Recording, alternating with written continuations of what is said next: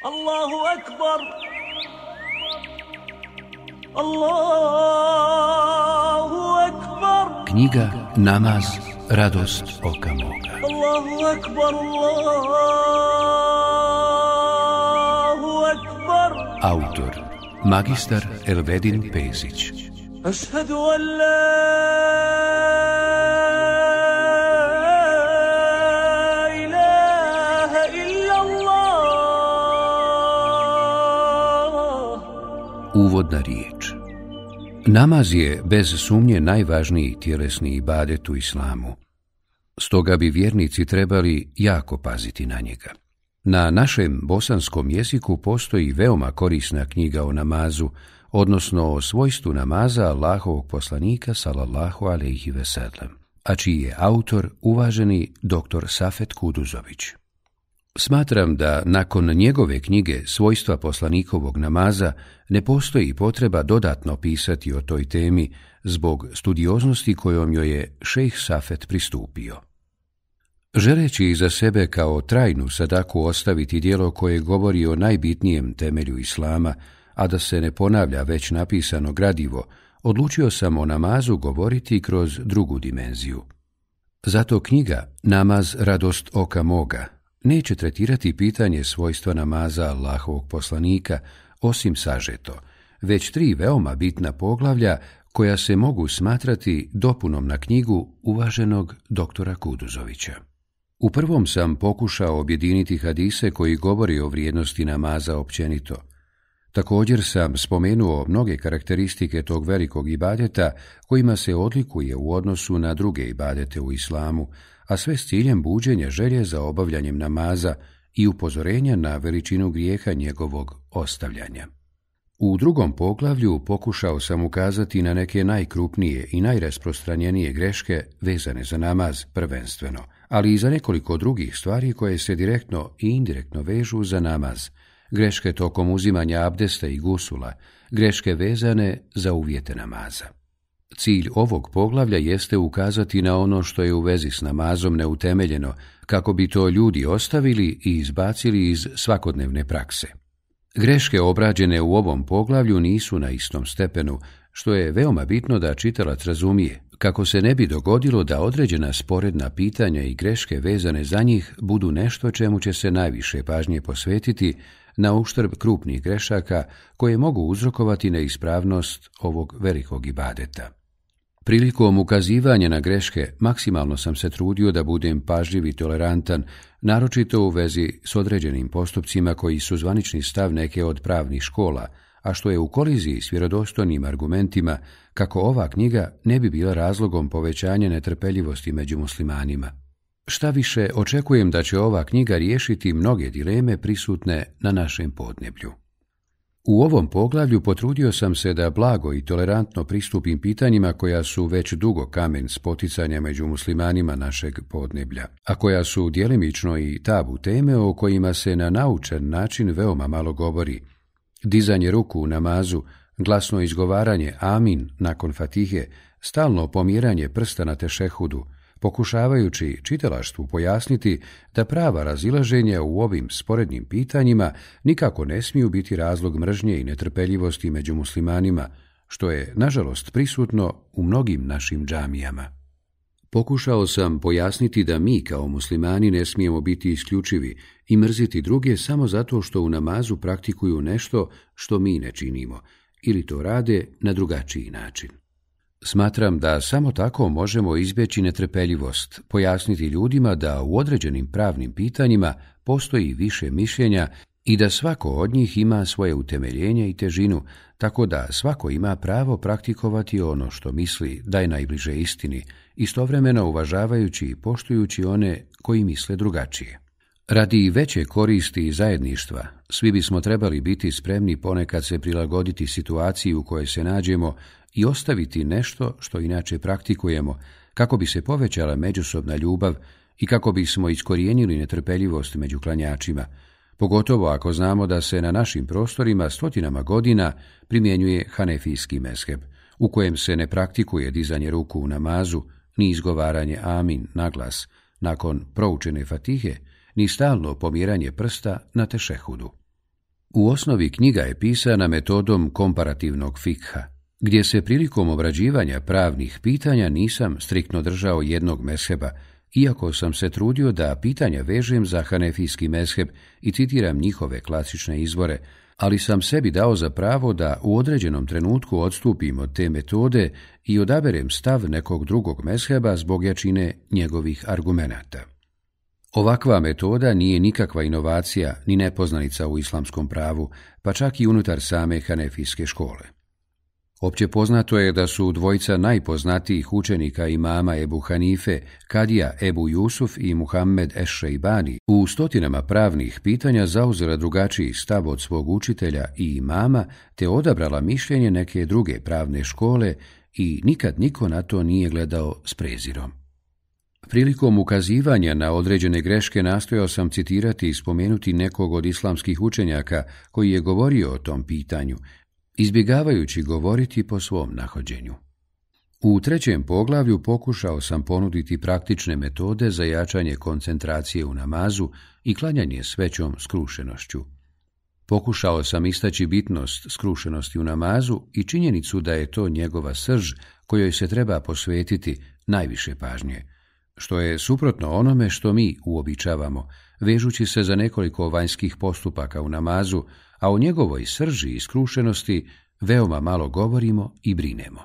Što se tiče hadisa koje spominjem u knjizi, a koje bilježe Buharija i Muslim ili samo jedan od njih dvojice, smatrao sam dovoljnim navesti samo broj hadisa kako bih olakšao onima koji se žele vratiti na njega, dok sam kod onih mimo ove dvije zbirke nastojao za svaki hadis navesti redni broj u zbirci iz koje je preuzet, a potom i njegovu ocjenu.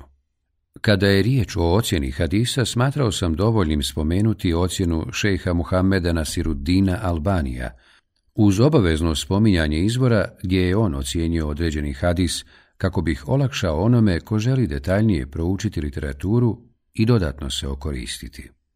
S naučnog aspekta trudio sam se da citiram samo vjerodostojne hadise. Mislim da bi insan, ako bi dobro savladao poruke ova tri poglavlja, vrijednosti namaza, grešaka u tom ibadetu te praktičnih načina i metoda postizanja skrušenosti u namazu, a nakon što dobro savlada gradivo iz knjige Safeta Kuduzovića o svojstvima namaza Allahovog poslanika, mogao za sebe reći da je uveliko proširio spoznaju ovog velikog ibadeta.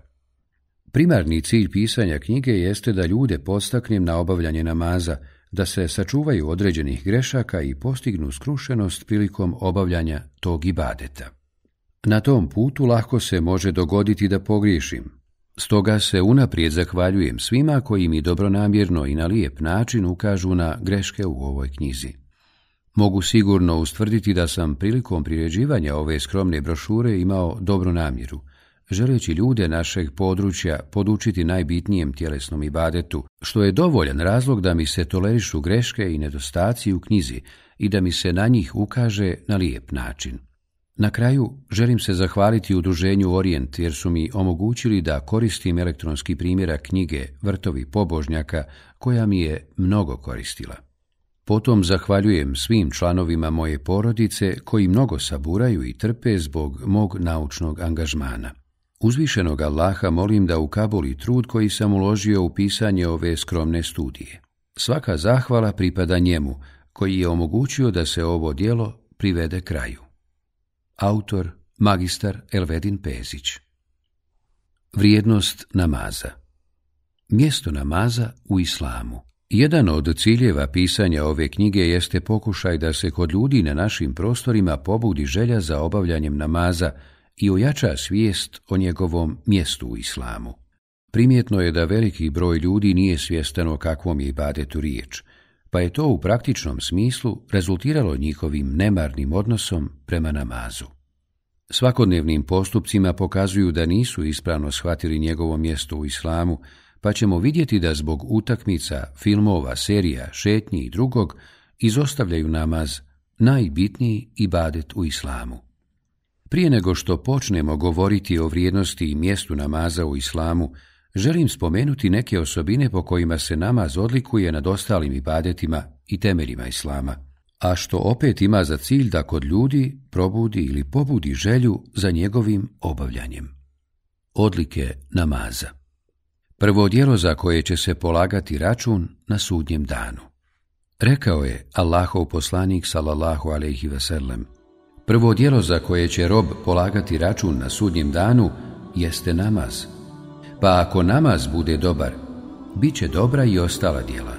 A ako namaz bude loš, i ostala djela bit će loša. Hadis bilježi imam taberani. Ako insan bude svjestan ove činjenice, to će sigurno ostaviti veliki trag na njega i pobuditi u njemu želju da redovno obavlja propisane namaze – a samim tim da se što bolje spremi za neminovno polaganje računa na sudnjem danu. Drugo, posljednja karika islama koja će se izgubiti.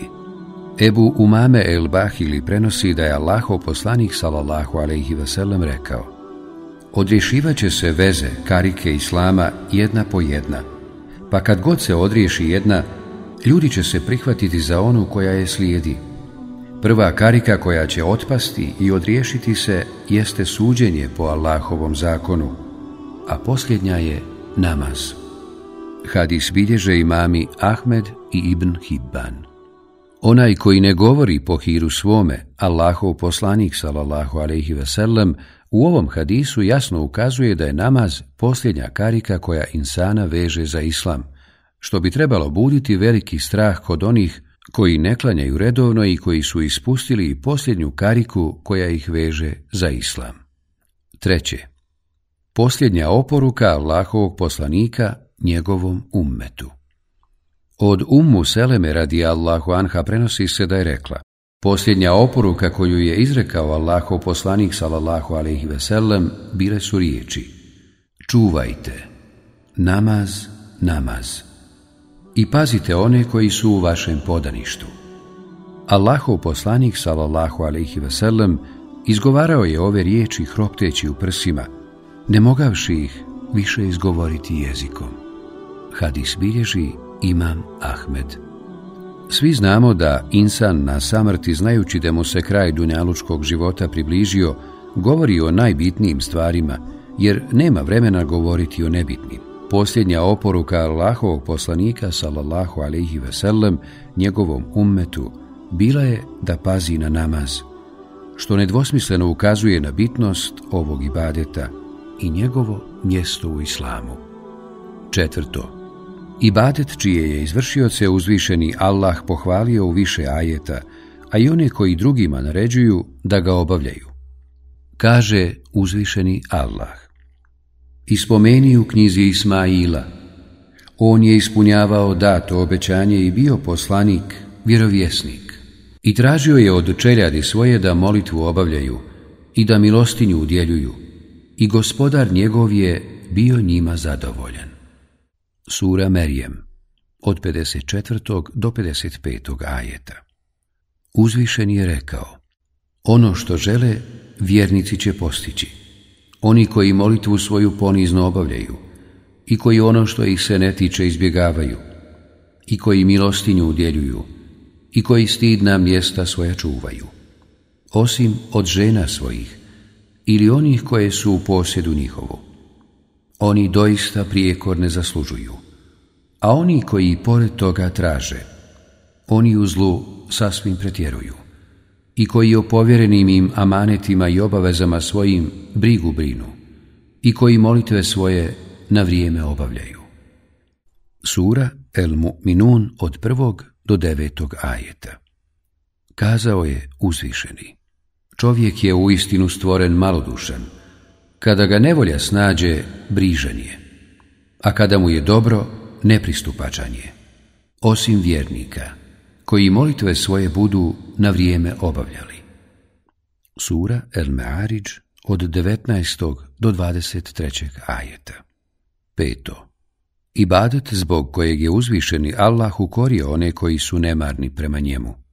Uzvišeni Allah kaže A njih smijeniše zli potomci, koji molitvu napustiše i za požudama pođoše. Oni će sigurno zlo proći. Sura Merijem, 59. ajet. Također je rekao, licemjeri nastoje Allaha prevariti, a On će njih nadmudriti. Kada ustaju da molitvu obave, lijeno se dižu, i samo zato da bi se pokazali pred svijetom, a Allaha gotovo da i ne spomenu. Sura En-Nisa, 142. ajet. Dalje kaže Svaki čovjek je odgovoran za ono što je radio, osim sretnika. Oni će se u dženneckim bašćama raspitivati o nevjernicima. Šta vas je u sekar dovelo? Nismo, reći će, bili od onih koji su nama zobavljali i od onih koji su siromahe hranili. I u besposlice smo se sa besposlenjacima upuštali i sudnji dan smo poricali sve dok nam smrt nije došla. Sura El Mudathir od 38. do 47. ajeta. Kazao je plemeniti gospodar. A teško onima koji kada molitvu obavljaju, molitvu svoju kako treba ne izvršavaju, koji se samo pretvaraju. Sura El Ma'un od 4. do 6. ajeta. Šesto i Ibadet po kojem se raspoznaju muslimani. Od Enesa radi Allahu Anhu prenosi se da je Allahov poslanik sallallahu alaihi veselem rekao Ko bude obavljao naš namaz s nama i okretao se našoj kibli i jeo meso koje mi zakoljemo, to je musliman koji ima garanciju i sigurnost uzvišenog Allaha i njegovog poslanika. Zato nemojte kidati ugovor sa Allahom. Hadis bilježi Imam Buhari. Sedmo. Svojstvo iskrenih vjernika koji su zaštitnici drugim vjernicima. Kazao je uzvišeni Allah. A vjernici i vjernice su prijatelji jedni drugima. Traže da se čine dobra djela, a od nevaljalih odvraćaju. I molitvu obavljaju i zekat daju. I Allahu i poslaniku njegovu se pokoravaju to su oni kojima će se Allah sigurno smilovati. Allah je doista silan i mudar. Sura Et-Teuba, 71. ajet. Osmo. Najbitniji temelj Islama nakon šehadeta. Od Abdullaha ibn Omera radi Allahu anhu prenosi se da je Allahov poslanik salallahu alaihi veselem rekao Islam je sagrađen na pet stvari – svjedočenju da nema Boga osim Allaha i da je Muhammed Allahov poslanik, obavljanju namaza, izdvajanju zekata, obavljanju hadža i ramazanskom postu. Hadis bilježe imami Buhari i Muslim. Ibn Omer radi Allahu Anhu prenosi da je Allahov poslanik sallallahu alaihi veselem rekao Naređeno mi je da se borim protiv ljudi sve dok ne posvjedoče da nema drugog Boga osim Allaha i da je Muhammed Allahov poslanik, dok ne počnu obavljati namaz i davati zekat. Kada to urade, garantujem im da će njihovi životi i imeci biti sigurni, izuzev ako se ogriješe o propise Islama, a njihov je konačni obračun kod uzvišenog Allaha. Kad bilježe imami Buhari i Muslim. Ebu Abdurrahman Abdullah ibn Mesud radi Allahu anhu kazuje – Upitao sam vjerovjesnika sallallahu alaihi sellem koje je dijelo najdraže Allahu. Poslanik sallallahu alaihi veselem odgovori. Namaz obavljen u propisano vrijeme. Zatim sam upitao. A koje je onda? Dobročinstvo prema roditeljima, odgovori on. A koje je poslije njega? Poslanik sallallahu alaihi veselem reče. Džihad na Allahovom putu. Hadis bilježe imami Buhari i Muslim. Deveto. Jedini ibadet propisan na nebesima. U vjerodostojnim predajama koje govore o Israu i Mirađu spomenuto je da je uzvišeni Allah u direktnom razgovoru sa Allahovim poslanikom sallallahu alaihi veselem te večeri propisao poslanikovom ummetu obavljanje pet dnevnih namaza. Deseto. Ibadet koji je u početku propisan 50 puta dnevno, što je potom smanjeno na pet, a nagrada za njegovo obavljanje ostala je u vrijednosti njih 50. U predajama iz prethodne tačke stoji da je uzvišeni Allah na početku razgovora s poslanikom sallallahu alaihi wasallam njegovom umetu propisao 50 namaza. Pa se Allahov poslanik sallallahu alaihi wasallam na nagovor Musa vraćao i tražio olakšicu od uzvišenog Allaha, sve dok broj namaza nije došao do pet. Potom je uzvišeni Allah rekao, O Muhammede, to je pet namaza u toku svakog dana i noći. Za svaki namaz nagrada je deset, pa je to 50 namaza. Hadis bilježi ima muslim od Enesa radi Allahu anhu. 11. Ibadet koji je uzvišeni Allah naredio poslaniku i njegovim sljedbenicima, tražeći od njih da ga naređuju svojim porodicama i strpe se na tome kaže uzvišeni Allah. Naredi čeljadi svojoj da nama obavljaju i istraj u tome. Mi ne tražimo od tebe da se sam hraniš. Mi ćemo te hraniti, a samo one koji se budu Allaha bojali i grijeha klonili, čeka lijep svršetak. Sura Taha, 132. ajet Rekao je Allaho poslanik sallallahu alaihi veselem Djeci naređujte da obavljaju namaz kad napune sedam godina, a zbog namaza ih nakon desete godine i istucite, u toj dobi ih i rastavite u posteli. Hadis bilježi imam Ebu Davud. U sedmoj godini djeca nisu punoljetna, pa nisu ni griješna ako bi propustila namaz, ali nam je naređeno da ih već od te godine navikavamo na njega, kako bi još od djetinstva stekla naviku redovnog klanjanja. To svakako ukazuje na bitnost namaza u islamu. 12. Ibadet koji je, ako se prespava ili zaboravi, obaveza izvršiti kad se insan probudi ili sjeti namaza. Allahov poslanik sallallahu alejhi ve veselem rekao je: Ko zaboravi namaz ili ga prespava, iskupit će se tako što će ga obaviti kad se sjeti. Hadis bilježi ima muslim od Enesa radijallahu anhu. Ako bi se dogodilo da insan zaboravi obaviti namaz ili ga prespava, on nije griješan zbog toga jer nije mogao utjecati na to, ali mu je obaveza klanjati kad se sjeti namaza ili kad se probudi. To nam opet ukazuje na mjesto namaza u islamu, jer iako smo ga zaboravili ili prespavali, opet ga moramo klanjati, pa makar i nakon isteka namaskog vremena. 13. Ibadet koji uzvišeni Allah u Kur'anu naziva imanom. Kazao je uzvišeni Allah. Allah neće dopustiti da propadnu molitve vaše, a Allah je prema ljudima zaista vrlo blag i milostiv. Sura El Bekare, 143. ajet 14. Ibadet koji nikad nije dozvoljeno izostaviti. Sve dok je insan razuman, u njemu je obaveza obavljati namaz shodno mogućnostima. Namaz se klanja u bolesti, na putu, u strahu, u borbi, s tejemumom kad nema vode, pa i kad se ne zna gdje je kibla. Knjige islamskog prava ispunjene su govorom u kojem učenjaci pojašnjavaju kako će se namaz obavljati u vanrednim situacijama.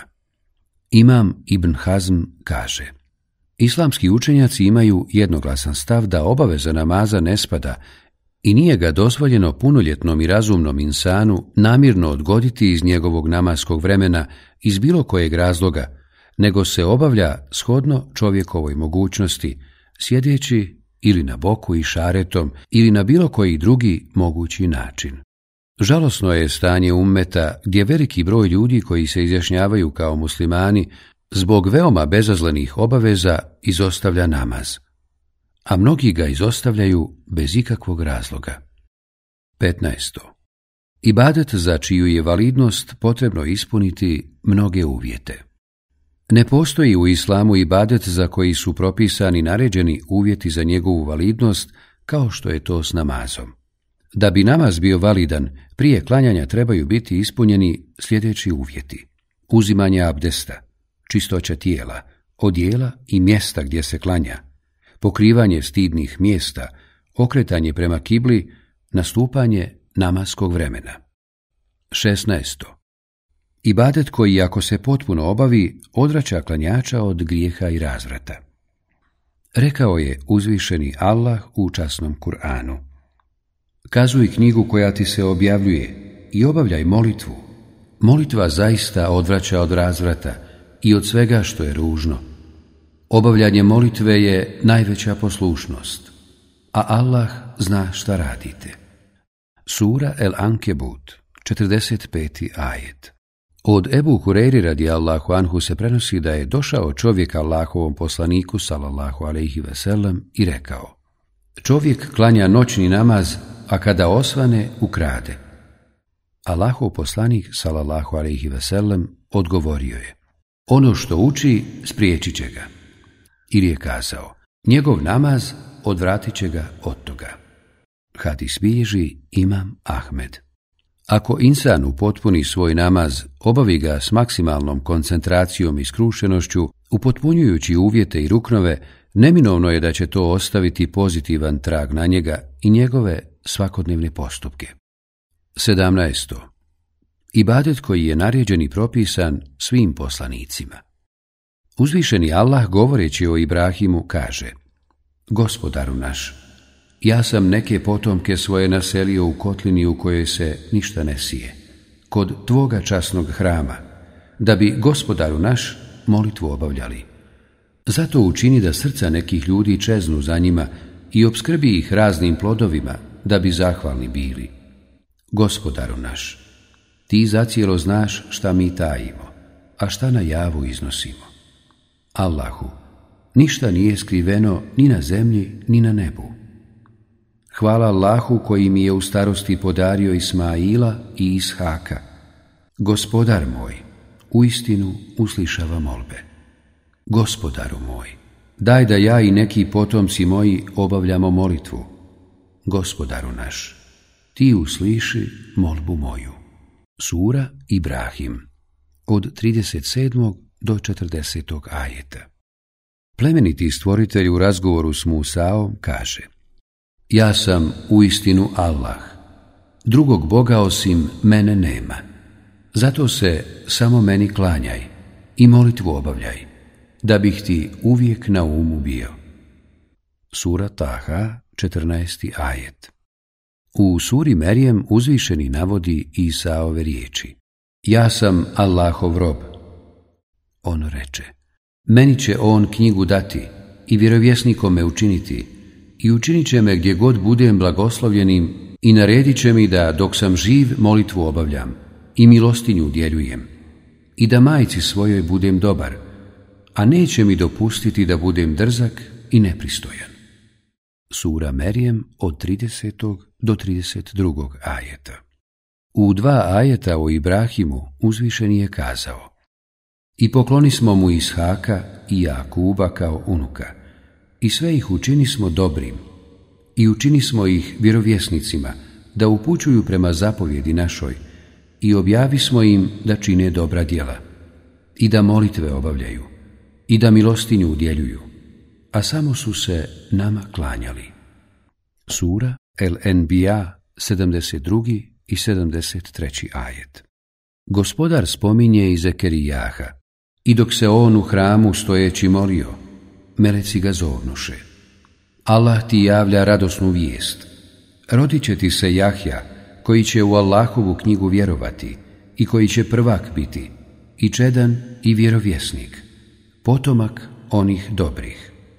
Sura Alu Imran, 39. ajet Govoreći o Misaku, zavjetu Beni Israila, uzvišeni kaže i kada smo od sinova Israilovih zavjet uzeli da ćete se jedino Allahu klanjati i roditeljima i bližnjima i siročadi i siromasima dobročinstvo činiti, a ljudima lijepe riječi govoriti i molitvu obavljati i zekat davati. Vi ste se poslije, izuzev vas malo, izopačili i zavjet iznevjerili. Sura El Bekare, 83. ajet na drugom se mjestu kaže Allah je prihvatio zavjet sinova Israilovih, a između njih bili smo postavili dvanaest starješina. I Allah je rekao, ja sam s vama. Ako budete molitvu obavljali i milostinju davali, i ako budete u poslanike moje vjerovali, pomagali im i drage volje zajam Allahu davali, sigurno ću preći preko hrđavih postupaka vaših, i uvešću vas u džernetske bašče, kroz koje će rijeke teći. A onaj među vama koji ni poslije ovoga ne bude vjerovao, s pravog puta je skrenuo. Sura El Maida, 12. ajet Kada insan shvati da su određene obaveze od kojih je i namaz bile propisane i prijašnjim poslanicima i njihovim narodima, odnosno milionima ljudi prije njega, lakše mu je biti pokoran.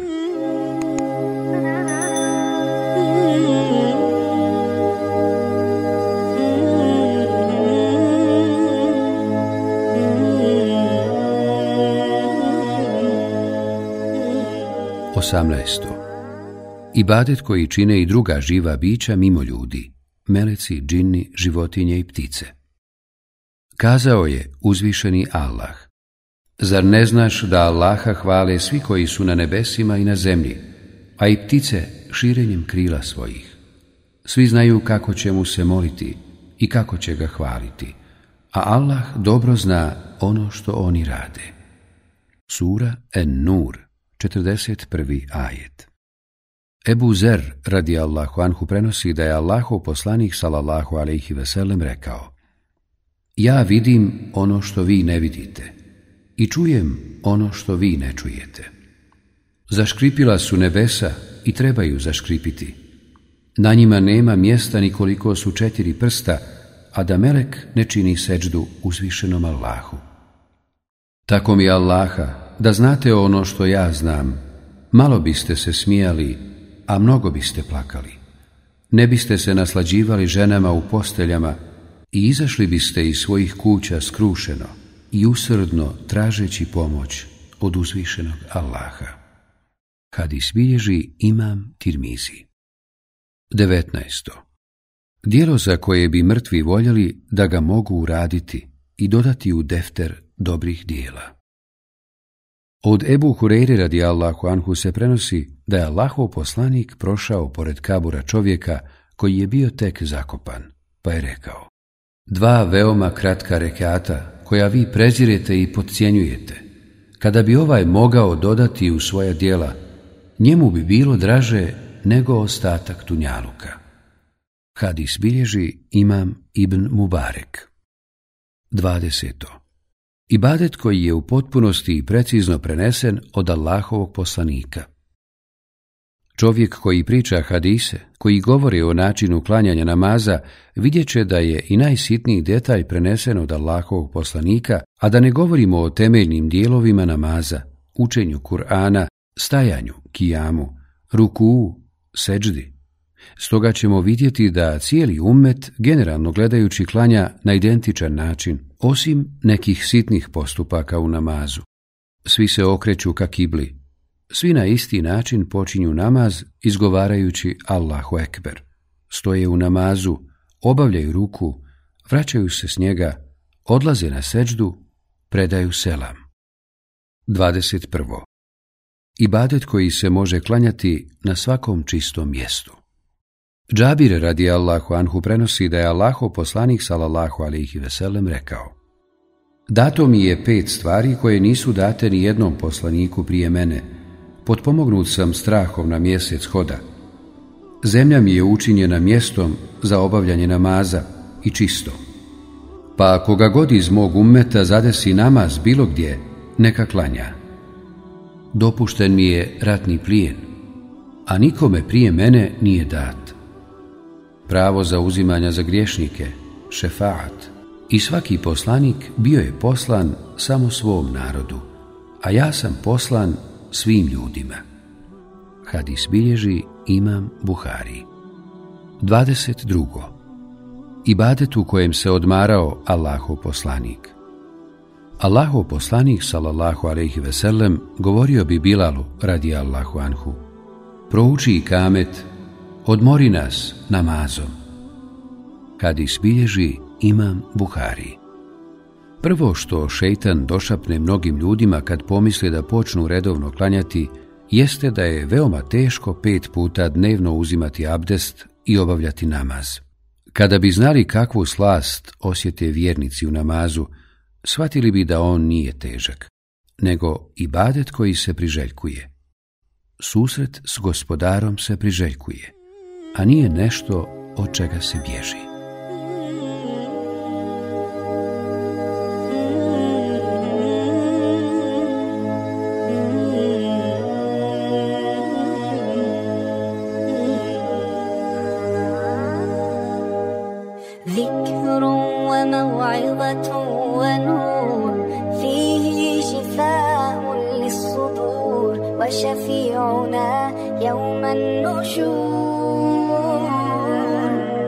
Vrijednost namaza Doista je mnogo kuranskih ajeta u kojima se naređuje obavljanje namaza, što jasno ukazuje na njegovu vrijednost i mjesto u islamu.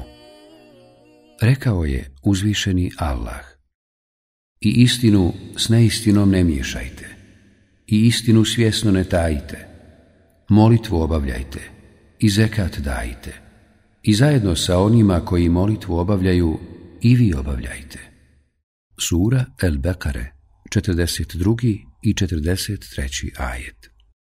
Mnogi sljedbenici knjige jedva bi dočekali da vas, pošto ste postali vjernici, vrate u nevjernike iz lične zlobe svoje, iako im je istina poznata, ali vi oprostite i preko toga pređite dok Allah svoju odluku ne donese.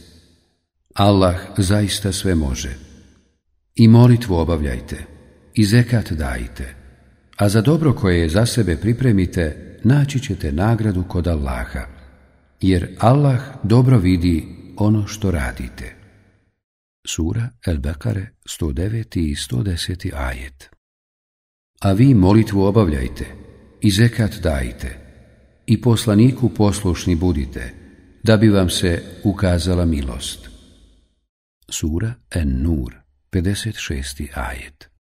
S druge strane, u mnogim kuranskim ajetima spomenute su vrijednosti i koristi namaza. Prvo, ispravno i potpuno obavljen namaz odvraća od razrata i grijeha. Kazuj knjigu koja ti se objavljuje i obavljaj molitvu. Molitva zaista odvraća od razvrata i od svega što je ružno. Obavljanje molitve je najveća poslušnost a Allah zna šta radite. Sura El Ankebut, 45. ajet. Drugo, namaz olakšava u savladavanju iskušenja. O vjernici, tražite sebi pomoći u strpljivosti i obavljanju molitve. Allah je doista na strani strpljivih. Sura El Bekare, 153. ajet. Treće, Odziv na džumu vrijedniji je od dunjalučkih koristi. O vjernici, kada se u petak na molitvu pozove, kupoprodaju ostavite i pođite molitvu obaviti. To vam je bolje, neka znate. Sura El Džumu'a, deveti ajet. Četvrto. Namaz u džematu naređen je čak i u periodu ratnih djelovanja. Kazao je uzvišeni Allah kada ti budeš među njima i kad odlučiš da zajedno s njima obaviš molitvu, neka jedni s tobom molitvu obavljaju i neka svoje oružje uzmu. I dok budete obavljali molitvu, neka drugi budu iza vas, a onda neka dođu oni koji još nisu obavili molitvu, pa neka i oni obave molitvu s tobom. Ali neka drže oružje svoje i neka budu oprezni. Nevjernici vi jedva dočekali da oslabi pažnja vaša prema oružju i oruđu vašem, pa da svi odjednom na vas navale. A ako vam bude smetala kiša ili ako bolesni budete, nije vam grijeh da oružje svoje odložite, samo oprezni budite. Allah je nevjernicima pripremio sramnu patnju. A kada namaz završite, Allaha spominjite i stojeći i sjedeći i ležeći. A u sigurnosti obavljajte namaz u potpunosti, jer vjernicima je propisano da u određeno vrijeme namaz obavljaju. Sura En-Nisa, 102. i 103. ajet. Prvo. Velika nagrada. One koji vjeruju i čine dobra djela i molitvu obavljaju i zekat daju, čeka nagrada kod gospodara njihova i ničega se oni neće bojati i ni za čim oni neće tugovati. Sura El Bekare 277. ajet Drugo Obavljanjem namaza nevjernici postaju braća ostalim muslimanima. Ali ako se oni budu pokajali i molitvu obavljali i zekat davali, braća su vam povjeri a mi dokaze objašnjavamo ljudima koji razumiju. Sura Et-Teube, 11. ajet. Treće. Namazom se brišu grijesi. I obavljaj molitvu početkom i krajem dana i u prvim časovima noći. Dobra djela zaista poništavaju hrđava. To je pouka za one koji pouku žele. Sura Hud, 114. ajet. Četvrto. Istinski uspjeh. Onima koji molitvu budu obavljali i zekat davali i koji u onaj svijet budu čvrsto vjerovali, njima će gospodar njihov na pravi put ukazati i oni će želje svoje ostvariti. Sura Lukman, četvrti i peti ajet. Vrijednost namaza u hadisima Allahovog poslanika – o vrijednosti namaza u islamu govore brojni vjerodostojni hadisi. Spomenut ćemo samo neke. Prvo, briše grijehe. Ebu Hureyre radi Allahu Anhu prenosi da je čuo Allahov poslanika, salallahu alaihi vasallam, kako je upitao. Šta mislite kad bi neko od vas ispred vrata imao rijeku u kojoj bi se kupao pet puta dnevno? Bili na njemu ostalo imalo prljavštine? Prisutni odgovoriše. Na njemu ne bi ostalo nimalo prljavštine. Tada poslanik, salallahu alaihi veselem, reče To je primjer pet dnevnih namaza kojima Allah briše učinjene grijehe. Hadis bilježe imami Buhari i Muslim. Džabir radi Allahu Anhu prenosi da je Allahu poslanik salallahu alaihi veselem rekao Pet dnevnih namaza slični su bujnoj rijeci koja teče ispred vrata jednog od vas, u kojoj se kupa pet puta na dan. Kad ispilježi imam muslim.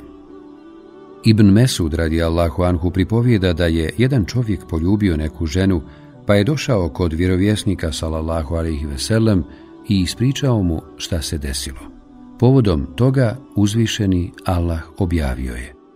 I obavljaj molitvu početkom i krajem dana i u prvim časovima noći.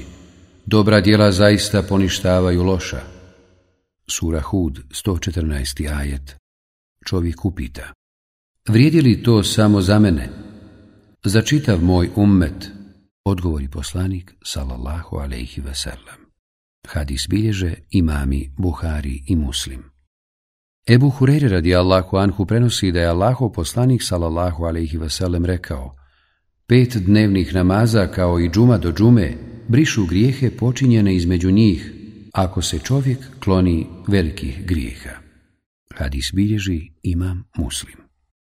Osman ibn Affan Allahu anhu prenosi da je čuo Allahovog poslanika sallallahu alaihi veselem kako kaže Koji god musliman dočeka neki od obaveznih dnevnih namaza pa na najljepši i najpotpuniji način uzme abdest a zatim skrušeno i na najljepši i najpotpuniji način obavi pregibanje u namazu taj namaz bit će mu iskup za prethodno počinjene grijehe pod uvjetom da nije učinio neki od velikih grijeha.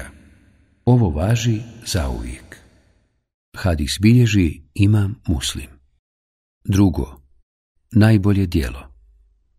Ibn Mesud radi Allahu anhu kazuje Upitao sam Allahovog poslanika sallallahu alaihi veselem koje je od svih dijela najbolje Namaz obavljen u propisano vrijeme, odgovori on. A zatim upita ga, a on reče. Dobročinstvo prema roditeljima. Zatim koje? Upita ga opet. A on odgovori. Borba na Allahovom putu. Hadis bilježe imami Buhari i Muslim. Treće. Temelj Islama Ibn Omer radi Allahu anhu prenosi da je Allaho poslanik salallahu alaihi veselem rekao Islam se temelji na pet stvari svjedočenju da nema Boga osim Allaha i da je Muhammed njegov poslanik obavljanju namaza, davanju zekata, obavljanju hadža i postu mjeseca Ramazana. Hadis bilježe imami Buhari i Muslim. Četvrto, prva obaveza u islamu nakon izgovaranja šehadeta. Muaz radi Allahu Anhu pripovjeda Allahov poslanik salallahu alaihi veselem poslao me u Jemen i rekao Ti odlaziš narodu koji je sljedbenik knjige, pa ih prvo pozovi da posvjedoče da nema Boga osim Allaha i da sam ja Allahov poslanik. Ako ti se u tome pokore, obavijesti ih da mi je uzvišeni Allah kao strogu obavezu propisao pet namaza tokom svakog dana. Ako ti se u tome pokore, obavijesti ih da mi je uzvišeni Allah kao strogu obavezu propisao pet namaza tokom svakog dana i noći.